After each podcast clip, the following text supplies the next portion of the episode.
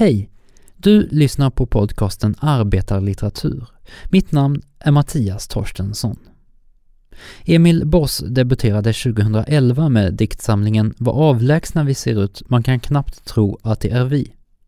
Nu är han aktuell med sin långdikt Acceleration som ges ut på kvittorulle. Där skildrar han de moderna arbetsvillkoren, hur företagen effektiviserar för att minska kostnaderna och hur det leder till otrygghet för de anställda. Jag träffar Emil på Kulturhuset Cyklopen i Stockholm. Det blir ett samtal om sydamerikanska lantarbetares rättigheter, spagettidiagram och CSR.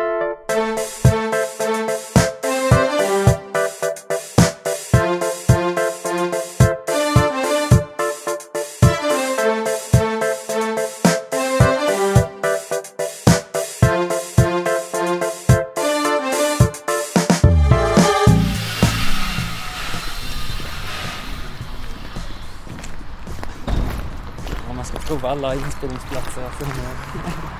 Vad är det konstigaste du har varit på? Eh, ja, men Ivaldo Johanssons lägenhet var ju ganska speciellt. Ja, det måste vara speciellt. Mm. Vördnadsfullt bevarad någonstans. Ja.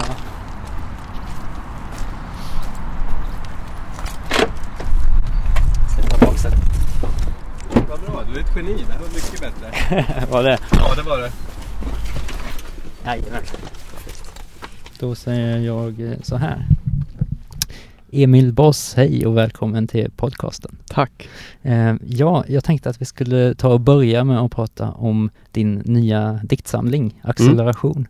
Mm. Eh, vi befinner oss nu i en bil faktiskt, vi sitter i en bil utanför eh, Cyklopen, Kulturhuset Cyklopen i Stockholm.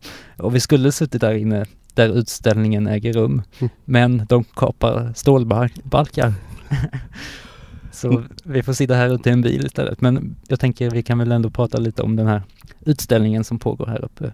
Kan du berätta om den? Ja, i, i Cyklopen så finns det ett bibliotek som, som eh, bygger på frivilliga krafter där man har samlat eh, massa samtidslitteratur och politisk litteratur. Och i biblioteket där så har jag en liten minutställning av min bok som kommer ut nu och som har, är utskriven på en 50 meters kvittorulle. Och eh, det är foto och text och, och det här objektet av boken. Ja, vill du beskriva den här eh, långdikten? Den ges ut på eh, kvittorulle. Mm. hur fick du den idén? Jag jobbar ju med kvittorullar i kassan på mitt jobb hela tiden. Och eh, någonting som jag har varit väldigt intresserad av är managementtexter, hur de eh, närmast är fixerade vid metaforen om ett flöde. Eh, som eh, friktionsfritt och accelererande ska förbättra alla verksamheter i det stora samhällsföretaget om man säger så. Med lean production och så vidare.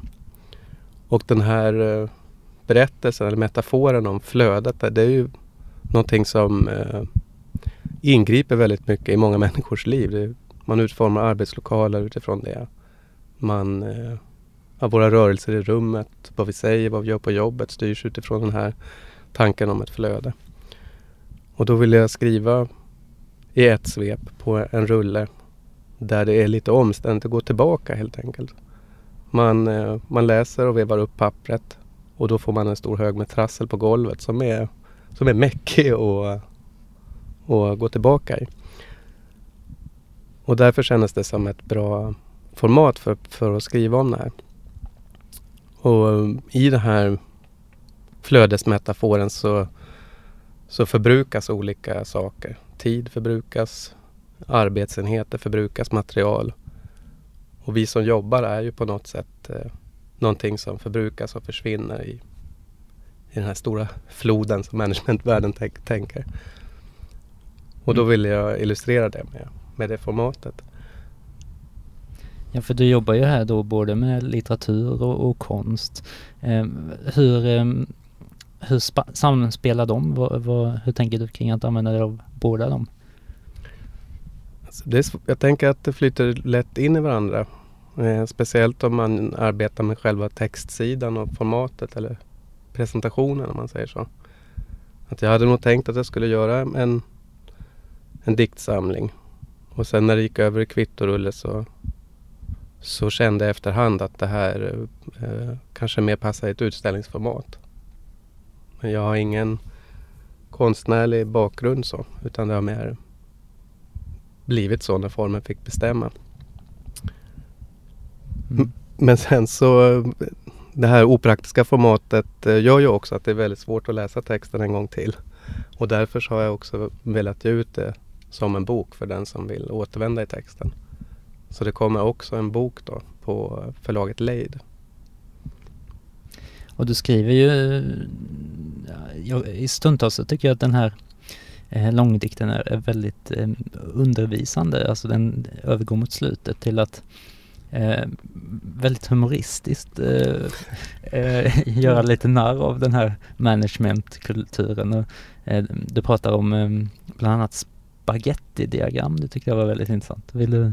Ja, just det. Ja, och de är verkligen en viktig del av liksom modern, modernt lintänkande. De används i allra högsta grad. Ett spagettidiagram, det låter väldigt profant. Det är alltså en planskiss över en lokal där man har plottat ut hur eh, arbetarna rör sig. För att kunna analysera hur man kan eh, ändra rummet och ändra arbetarnas rörelser så att man spar tid. Helt enkelt. Ja, för allt det här går ju ut på att eh, vinna effektivitet ja, och en ja. högre vinst helt enkelt. Ja, verkligen. Men det är ändå lite förvånande sådär, alltså för många tror jag att Systembolaget är ett statligt företag. Du jobbar på system... Nu, ja, ja. ja, och det, det utspelar på sig, det, jag kommer inte ihåg om det står i texten om det utspelar sig på Systembolaget just. Eller jo, det, det, står i, mm, mm. det gör det. Och du pratar också det om, om en bild som Systembolaget eh, har velat eh, marknadsföra sig som ett, eh, ett företag som tar ansvar helt enkelt för folkhälsan. Ja, ja. Men här visar du på något annat. Allting göms i formuleringen marknadsmässiga arbetsvillkor. Systembolaget eh, har ju ett eh, alkoholpolitiskt uppdrag när man har, erbjuder marknadsmässiga arbetsvillkor. Och genast eh, så har man ju trätt in i den moderna arbetsfilosofin. Och då blir det samma tänk som på sjukhus som har lin eller mekaniska verkstäder eller ja, hela samhället har ju olika hybrider av de här nya arbetsfilosofierna. Och eh, genast blir det väldigt, väldigt effektiviserat och en ständig jakt på de här slöserierna som man ska eliminera. Och det handlar ju oftast om att man ska minska kostnaden för att ha personal helt enkelt. Mm. Ja, det finns ju någonting som heter CSR, Company Social Responsibility. Mm, mm. Att företag ska ta, ta ansvar, eh, socialt ansvar för människor och miljö bland annat. Ja. Det här används ju idag ofta i marknadsföring, företag som vill framstå som, eh, som miljövänliga och mm. framhåller det i sin marknadsföring för att vinna nya kunder. Eh, alltså det här systemet, har det, tror du att det finns en vinst i att företag tar ett sådant ansvar? Eller är det bara ja. problematiskt? Eh, nej då, nej, nej, just CSR, alltså att man, och det handlar ju ofta om att man ska ta ett stort etiskt ansvar över hela de globala leverantörskedjorna. Eh, där finns det forskning som visar att eh, det blir mindre farliga arbetslokaler, eh, det blir bättre hygien liksom, på arbetsplatserna. Eh, om man hårdrar så kan man säga att eh, allting som ser illa ut på bild förbättras. Och det är ju rent konkret bra för jättemånga arbetare. Men det finns också forskning som visar att det inte det utjämnar inte maktobalansen. Lönerna till exempel höjs inte av CSR. Eh, eftersom det då skulle hota hela den här globala maktordningen. Eh, och det jag kan känna är ju att det finns ett hot när man står på en arbetsplats som där jag jobbar och säger till alla kunder att allt du ser här inne har tillverkats i enlighet med mänskliga rättigheter.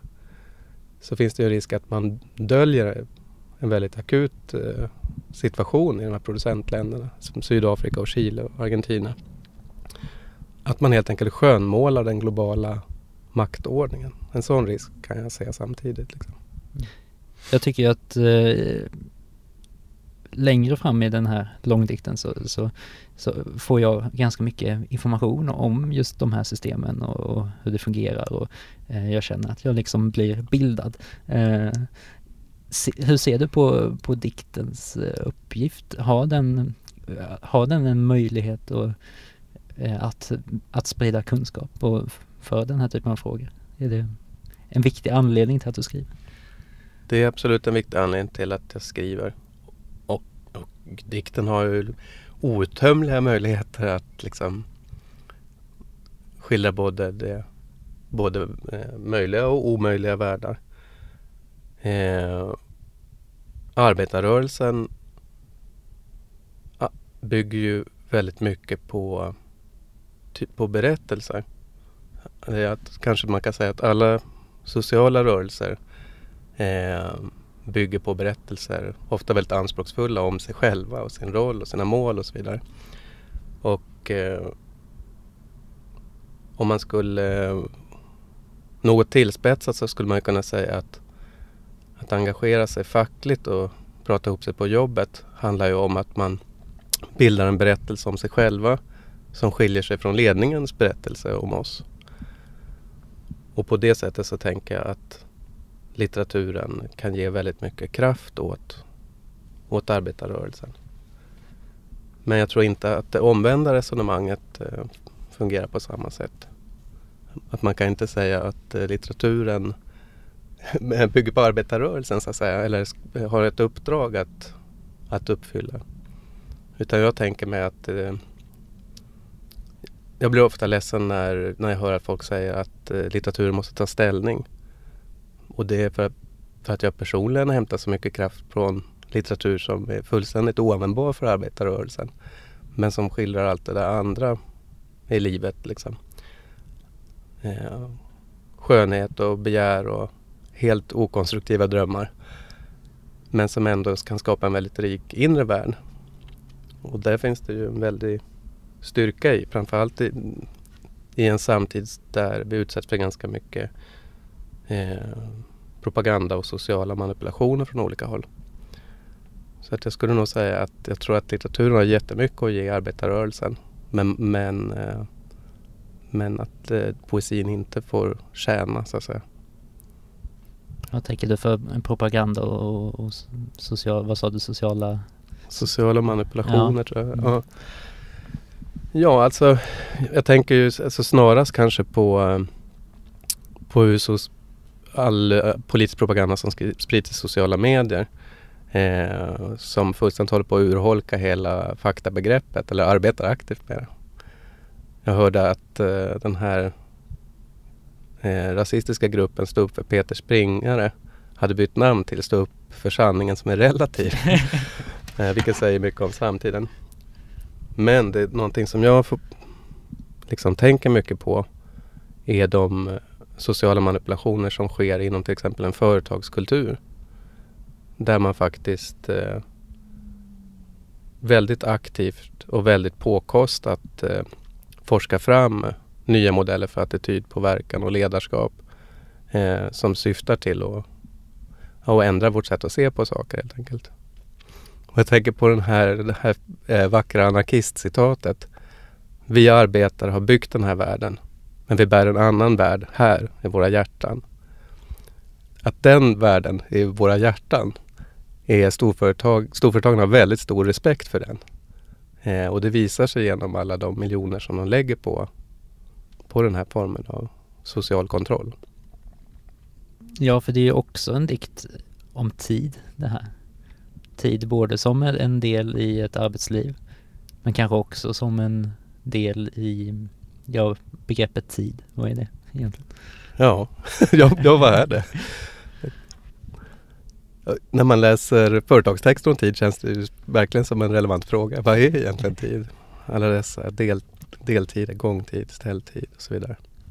Ja, det finns ju någonting, eh, någonting väldigt tydligt i att eh, de här managementtexterna vill eliminera tidslöserier. Det är ju trots allt eh, tiden som är, som, vi består av tid helt enkelt, som människor. Och eh, all tid som inte skapar värde, all tid som går utanför den sociala kontrollen vill man bli av med. Och om man tänker sig alltså, makt över sitt eget liv och eh, ja, hela sub subjektiviteten så blir ju det beklämmande att tänka sig att allting som kommer från mig som inte skapar vinst eh, vill företagen bli av med helt enkelt. Mm. Och i det här ligger ju också vår, vår tids enorma eh, uppvärdering av, av, människor som är rika. Det är ju, rikedomen blir på no har blivit liksom måttet på framgång på något vis. Absolut. Um, och då där kan man ju ställa sig frågan vad finns utanför det ekonomiska systemet då? Mm, uh, mm. Och det är väl lite det du lyfter i den här dikten. Uh, just ifrågasättandet av den här tidsjakten och uh, pengajakten ja. och vinstjakten. Ja, litteraturen är ju väldigt farlig. Eh, den ger oss möjligheter att leva oss in i och, och känna eh, ja, men allt det här möjliga och omöjliga. Man, man kan ju säga att litteraturen är ju alltid ett hot mot den rådande ordningen eftersom den rymmer eh, ett annat sätt att se på allt. På oss själva, på vår roll i, i världen och så vidare. Men hur känns det? För du erövrar ju på ett sätt, jag kan tycka att du erövrar de här begreppen gör dem mm -hmm. till mhm. dina och, mm. och förlöjligar dem. Eh, eller i alla fall Ja, kanske. Ja, du gör alltså du bara genom att, att förklara vad de innebär så, så, så framstår de som absurda. Mm, mm. Eh, och det tänker jag är en roll som, som dikten har här att visa det här alltså chimära världen som, som, mm. som existerar och som kanske egentligen är väldigt absurd. Ja, ibland är det ju verkligen så att om man bara belyser någonting från en annan vinkel så framstår det på ett helt annat sätt. Liksom. Och för mig personligen så är det ju något av en revansch att kunna samla allt det här som, som påverkar mig och mitt liv och göra någonting nytt av det. Jag, det är någonting som det är väldigt tillfredsställande. Och alltifrån att kunna använda själva pappret, liksom kvittorullen, till det här språket som styr mina steg över golvet om man, om man ska vara konkret. Mm. Men det, passar, lämpar sig bra här att övergå lite också till, och, för du jobbar ju på Systembolaget ja. eh, och har gjort det i ungefär 15 år om mm. jag googlade rätt. Eh, och eh, det, är det på Systembolaget som ditt engagemang för, du är aktiv fackligt eh, mm. Eh, och eh, var med och startade en driftklubb på, på Systembolaget. Mm, mm, mm. Och driver de här frågorna. Ni har nyligen varit ute i strejk också. Ja, var det här som ditt engagemang för de här frågorna började? Ja, ja det var det faktiskt. Um, av mina arbetskamrater helt enkelt. Uh, att de började prata om fackliga frågor och eh, om vi inte skulle bilda en klubb helt enkelt. Och sen när vi liksom förstod hur hur lätt det var att göra skillnad. Alltså hur tillgängliga de fackliga verktygen ändå kan vara. Så blev det det som en berusande känsla. Då började vi liksom förhandla om allt och gjorde massor av aktioner och sådär. Men nu har den här klubben eh, firat tio år i år. Och vi har liksom höjt löner och kontrakt. Fått eh, Systembolaget att anställa egna städare istället för att ha städfirmor påverkat det etiska arbetet. Och hela tiden så har liksom den grundläggande känslan varit eh, empowerment, eller man ska säga. Att vi faktiskt har möjlighet att göra någonting. Och vi är ju inga arbetsrättsjurister eller ombudsmän utan vi är verkligen bara ett, eh, ett gäng arbetskamrater som jobbar i en kassalinje. Så det har varit jättekul. Den, eh, det var ju också här då som du började engagera dig för eh, vinarbetarnas rättigheter. Ja, just det. Mm. Och du har bland annat varit i både Chile och Sydafrika Afrika för att mm, mm. I, i det här arbetet då, i det fackliga arbetet. Vill du mm. berätta mm. vad, vad gjorde du där? 2010 så fick vi reda på att Systembolaget skulle inleda ett sånt här CSR-arbete. Helt enkelt säkerställa mänskliga rättigheter i sin leverantörskedja. Eh, och då skulle alla cheferna åka ner till Sydafrika för att lära sig mer om eh, situationen i vinindustrin. Eh, men de skulle bara träffa eh, vingårdsbossarna. Och då eh, luskade vi re, eh, reda på på nätet vilken fackförening som organiserade vinarbetare i den regionen som Systembolagets chefer skulle till. Och sen tillsammans med dem och också fack i andra länder så låg vi på då att ni måste ju träffa arbetarna också om ni ska prata om arbetarnas villkor. Det blir väldigt ensidigt annars. Och då fick vi Systembolaget att åka ut på vingårdarna och se den osminkade bilden av villkoren. Och därifrån så har, har vi börjat samarbeta med Afrikagrupperna och Latinamerikagrupperna framförallt. Eh, och i en kampanj som heter Rättvis vinhandel.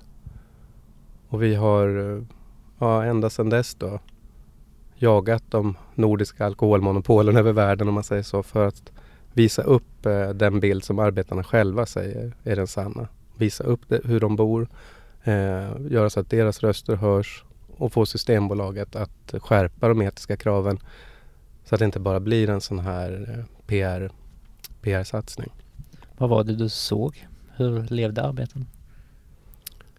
Ja, jag var i, i Chile och i eh, Casablanca och så var, har jag varit lite längre tid i Sydafrika, i Stellenbosch. Och det som är gemensamt för de platserna är ju att det är väldigt eh, brutala klassamhällen. Ehm, och att det pågår en väldigt aktiv och uttalad klasskamp.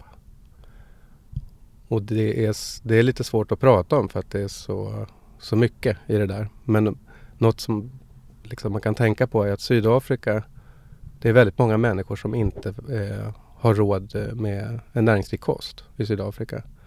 Men jordbruket är omställt till blommor, vin och frukt som exporteras till Europa och USA. Så eh, på Lantarbetarfackets eh, kepsar så hade de sloganen Farm workers feed the nation, why do our children starve? Och så, eh, så ser liksom maktförhållandena ut. Eh, I vinindustrin så eh, räknar man på att standardlönen i Sydafrika på vingårdarna räcker till 61 procent av näringsrik mat. Och eh, jag bodde på, i en arbetarbostad på en, en vingård som exporterar till Sydafrika. Jag bodde där i, i fem veckor. Och det var en väldigt eh, omtumlande erfarenhet. Folk har det väldigt tufft men är väldigt... Eh, det var också väldigt peppande. Folk är väldigt starka och eh, kämpar på liksom i sina fackföreningar och kvinnorörelser. Hur har de det tufft? Eh, deras villkor liknar väldigt mycket de svenska staterna för hundra år sedan. Eh, man bor på, på mark som vingårdsägarna äger. Man bor i hus som de äger. Man är i en hel beroendeställning till till cheferna. Och eh, om man protesterar mot arbetsvillkoren så får man sparken och får man sparken blir man vräkt från sitt hus. Och de lever väldigt geografiskt och, eh, utspritt, alltså isolerade. Så det handlar ju mer om att eh, vingårdarna har egna små samhällen av människor som ofta, oftast i flera generationer eh, har levt inne där på ägorna i en fullständig underordning. Liksom. Och Eh, de gårdar som jag besökte, jag besökte ett tiotal gårdar där jag hade möjlighet att komma som en systembolagsperson eh, till och prata med cheferna och lyssna på vad de sa. De har en väldig respekt för Systembolaget eftersom det är en av världens största uppköpare av vin. Och de, även om man bara är en vanlig butiksanställd så tar de inga risker utan liksom de betraktas som en viktig gäst. Och då, den bild som de målade upp kunde jag sedan jämföra med bilden som jag kunde få när jag genom lantarbetarfacket åkte ut och besökte de här arbetarbostäderna och pratade med de som jobbar. Och det var en ganska fruktansvärd upplevelse. Folk kunde bo i eh, små, små skjul som eh, liksom de här välbärgade vita ägarna eh, byggt själva. Snickrat ihop för liksom flera decennier sedan. Eh, under helt fruktansvärt ohygieniska förhållanden och utan toaletter, utan vatten med ja, inget skydd för kemikalier och så vidare. Men alltså den här kampanjen, um, nu har jag tappat vad den hette. Eh, rättvis vinhandel. Rättvis vinhandel. Um, vad ledde den till? Den har lett till eh, att eh, lantarbetare från olika länder har träffats och eh, utbytt erfarenhet och gjort gemensamma strategier för påverkan i exportländerna, till exempel Sverige. Den har lett till att Systembolaget har skärpt eh, sina etiska krav. Och eh, den har lett till att många konsumenter fått upp ögonen för att, eh, att det är ganska bedrövliga villkor i de här producentländerna. Vi fick bland annat 7000 tror jag det var kunder på Systembolaget att skicka in vykort till huvudkontoret där man säger att vi är beredda att betala några kronor mer för vinet om arbetarna får det bättre. För så absurd är ju världsordningen att om man köper en bag-in-box så går 4-5 procent av värdet i bag-in-boxen till arbetarna. Resten går till importörer, producenter och Systembolaget. Och eh, det betyder att om vinet blev 5 kronor dyrare i många fall så skulle deras lön fördubblas. Om det inte vore för alla dessa strukturella hinder som, som eh, bevarar den här ordningen helt enkelt. Vad betyder eh, poesin för den fackliga kampen? Jag tror att det betyder väldigt mycket. Olika mycket i olika tider och på olika platser. Jag tänkte på eh, när jag var i Sydafrika så det första som slog mig var hur mycket av alla fackföreningsmöten som var eh, deklamationer, eh, poesi, sånger, dans. Det var verkligen en, en betydande del av mötestiden på varje möte var litterär eller, eller musikalisk. Och så tror jag att det såg ut i högre grad i Sverige tidigare. Men, men vi har ju det fortfarande med Jenny Wrangborg som läser sin poesi på, eh, förbundens årsmöten och så vidare. Och på första maj. Och, och det blir ju ofta, det, det finns en väldigt kraft i att använda litteraturen som en sorts kollektiv eh, ritual nästan i arbetarrörelsen. Det är ju någonting specifikt tycker jag. jag tänker, just det här med att läsa upp och att uh, sjunga med, att gör, göra någonting kollektivt helt enkelt. Tycker du att det har blivit mindre av det eh, i den svenska arbetarrörelsen? Det kanske är mer en föreställning om att det var mer förut. Jag tror att egentligen så är det mycket så. Egentligen så uh, så är det mycket tal och uppläsningar och sånger. Vi går vidare och pratar om, eh, för ni har nyligen haft eh, på din arbetsplats så har ni nyligen gått ut i strejk. Ja, just det. Eh, men den är nu över. Mm. Berätta. Vad, ni strejk, det, det här är ju relevant för det, det här är vad du skriver om i, i din dikt också. Det handlar ju om en strejk mot de moderna arbetsvillkoren helt enkelt. Ja, ja det gör det absolut. Eh, vi strejkade några arbetskamrater i påskas. Framför allt för att eh, nå ut och liksom nå ut med vår uppfattning om vad de här kalkylerna gör med, med vår situation. Och eh, inte minst eftersom eh, vår arbetsgivare Systembolaget är branschledande när det gäller de här serviceideologierna. De utbildar andra företag i hur man ska bli lika framgångsrika. Och då är det ju oerhört viktigt att också röster från personalen kommer fram om vad, hur man upplever de här modellerna. Och om man ska ta ett exempel så har man infört ett system som är ganska ovanligt där alla dessa deltidsanställda som verksamheten bygger på eh, har skyldighet att hoppa in extra upp till heltid. Men man får inget extra betalt för det utan istället får man ledighet när det passar verksamheten senare. Det kallas årsarbetstid. Och det där bland annat vill vi gärna eh, nå ut med. Och också för att visa kollegor på andra butiker att, eh, att det går att protestera och, och att vi är många som tycker likadant. Och då fick vi massa brev också från, från kollegor i olika städer som, som tyckte att det var befriande att se att någon sa ifrån. Och hur har eh, ledningen agerat på, på detta?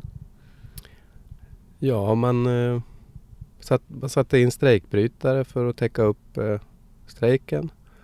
Och eh, man införde nya förhållningsregler som till exempel att eh, Att vi inte fick beträda butiksutrymmet under strejken och andra sådär. Ja, att, som vi upplevde att man ville provocera fram eh, konflikter rent socialt. Visa att vi inte var önskvärda helt enkelt. Men eh, jag tycker att vi, vi lät oss inte provoceras av det.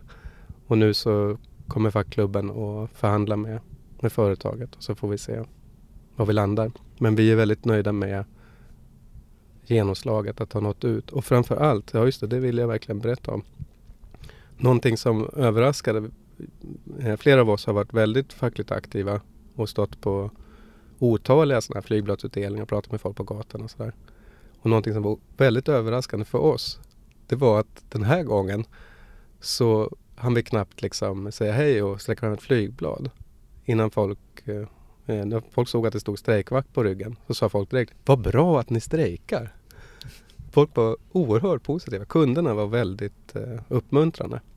Och vi hade verkligen under de här fyra dagarna när vi stod där hundratals möten där folk klappade oss på axeln och sa Gud vad skönt att någon strejkar. Och eh, i, eh, ja, i förra veckan så var det ett föredrag här på Cyklopen av en kriminolog som har forskat kring klassbegreppet, Magnus Hörnqvist. Och han berättade att eh, det har skett en förändring i klassmedvetenheten. Idag så anser majoriteten av Sveriges befolkning att vi lever i ett klassamhälle. Och majoriteten kan också utifrån de gängse akademiska termerna positionera sin egen klasstillhörighet där, där den hör hemma enligt eh, definitionerna då så att säga. Och det kanske är någonting i det där att villkoren har blivit väldigt mycket sämre. Eh, klassmedvetenheten har ökat. Men antalet strejker är fortfarande lika få. Det var sex stycken förra året. Sex strejker på svensk arbetsmarknad. Jag tolkade liksom, eh, jag fick i alla fall en, en förhoppning om att det vi mötte där var en strejklängtan hos många förbipasserande. Att, ja. ja. Men det har hänt någonting då i, i liksom samhällsklimatet. Pratar vi om de, de senaste åren bara då? Ja, om jag förstod hans föredrag rätt så, så handlar det väl om ett decenniers eh, förändring så att säga. Men om man frågade folk för 10-15 år sedan så, var, så ansåg mycket, många färre att vi levde i ett klassamhälle. Och det är ju väldigt vedertaget att arbetsvillkoren har blivit tuffare det senaste decenniet. Och det känner väl de flesta eh, in på bara kroppen. Har, har, du alltid varit en skrivande människa? Mm, ja, Mamma läste jättemycket för mig och min syster när vi var små. Och läste väldigt mycket poesi. Och, eh, Dan Andersson och liksom saker som, eh, som man inte förstod som barn men man blev ändå liksom hänförd av det, av det vackra språket och, och kanske också av känslan att inte riktigt eh, förstå. Så jag, jag har skrivit poesi ända sedan jag var i tonåren. Och sen så blev det min grej i tonåren, eller vår grej, jag och en del kompisar. Och vi hängde på Lava och var med i sådana här poetry slam och så. Så att då blev det ju väldigt, väldigt viktigt. Man vill ju gärna hitta någonting som är ens eget liksom, den åldern. Så det har följt med mig hela vägen. Och sen debuterade du eh, på självaste Bonnier med mycket uppmärksamhet 2011. 11, ja. Mm. Eh, vad, vad, vad hände? Hur var känslan då när du plötsligt skulle ge ut någonting? Alltså först, ja det var ju helt fantastiskt. Det var ju som en dröm som, som gick i uppfyllelse. Eh, såklart. Så det var ju helt fantastiskt att få bli läst och få vara med. Att någon recenserar min bok i en tidning. Det var helt, helt fantastiskt. Men sen så, upp, eh, så kände jag också att det blev ganska kravfyllt och och det tog väldigt lång tid att komma fram till den här boken nu. Och det hänger nog ihop med att det var på ett stort förlag och sådär. Man känner viss prestationsångest. Mm. Känner du att du har hittat tillbaks nu? När du har gett ut den här? Ja, det gör jag. Eh, det gör jag verkligen.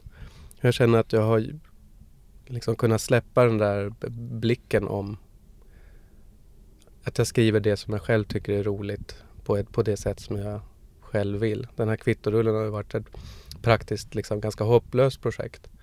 Eh, men det är det jag vill göra verkligen. Jag är jätteglad att jag inte har, ha kompromissat med det utan gjort, gjort klart det så som jag ville ha det. Det var alltså svårt, du menar att det var svårt att, att, att trycka det just på kvittorulle då? Ja, dels var det faktiskt mäckigt. Ehm, det tog lång tid innan jag hittade den tekniska lösningen. Men sen var det också mycket svårt att få ett förlag att vilja engagera sig i projektet. Men nu är den ute i alla fall? Nu är den ute. Och finns att köpa? Ja. Och, eh, och det tycker jag man ska göra. En fantastisk eh, bra lång dikt som vi kom överens om kalla. Vad jobbar du på nu? Vad är ditt nästa projekt?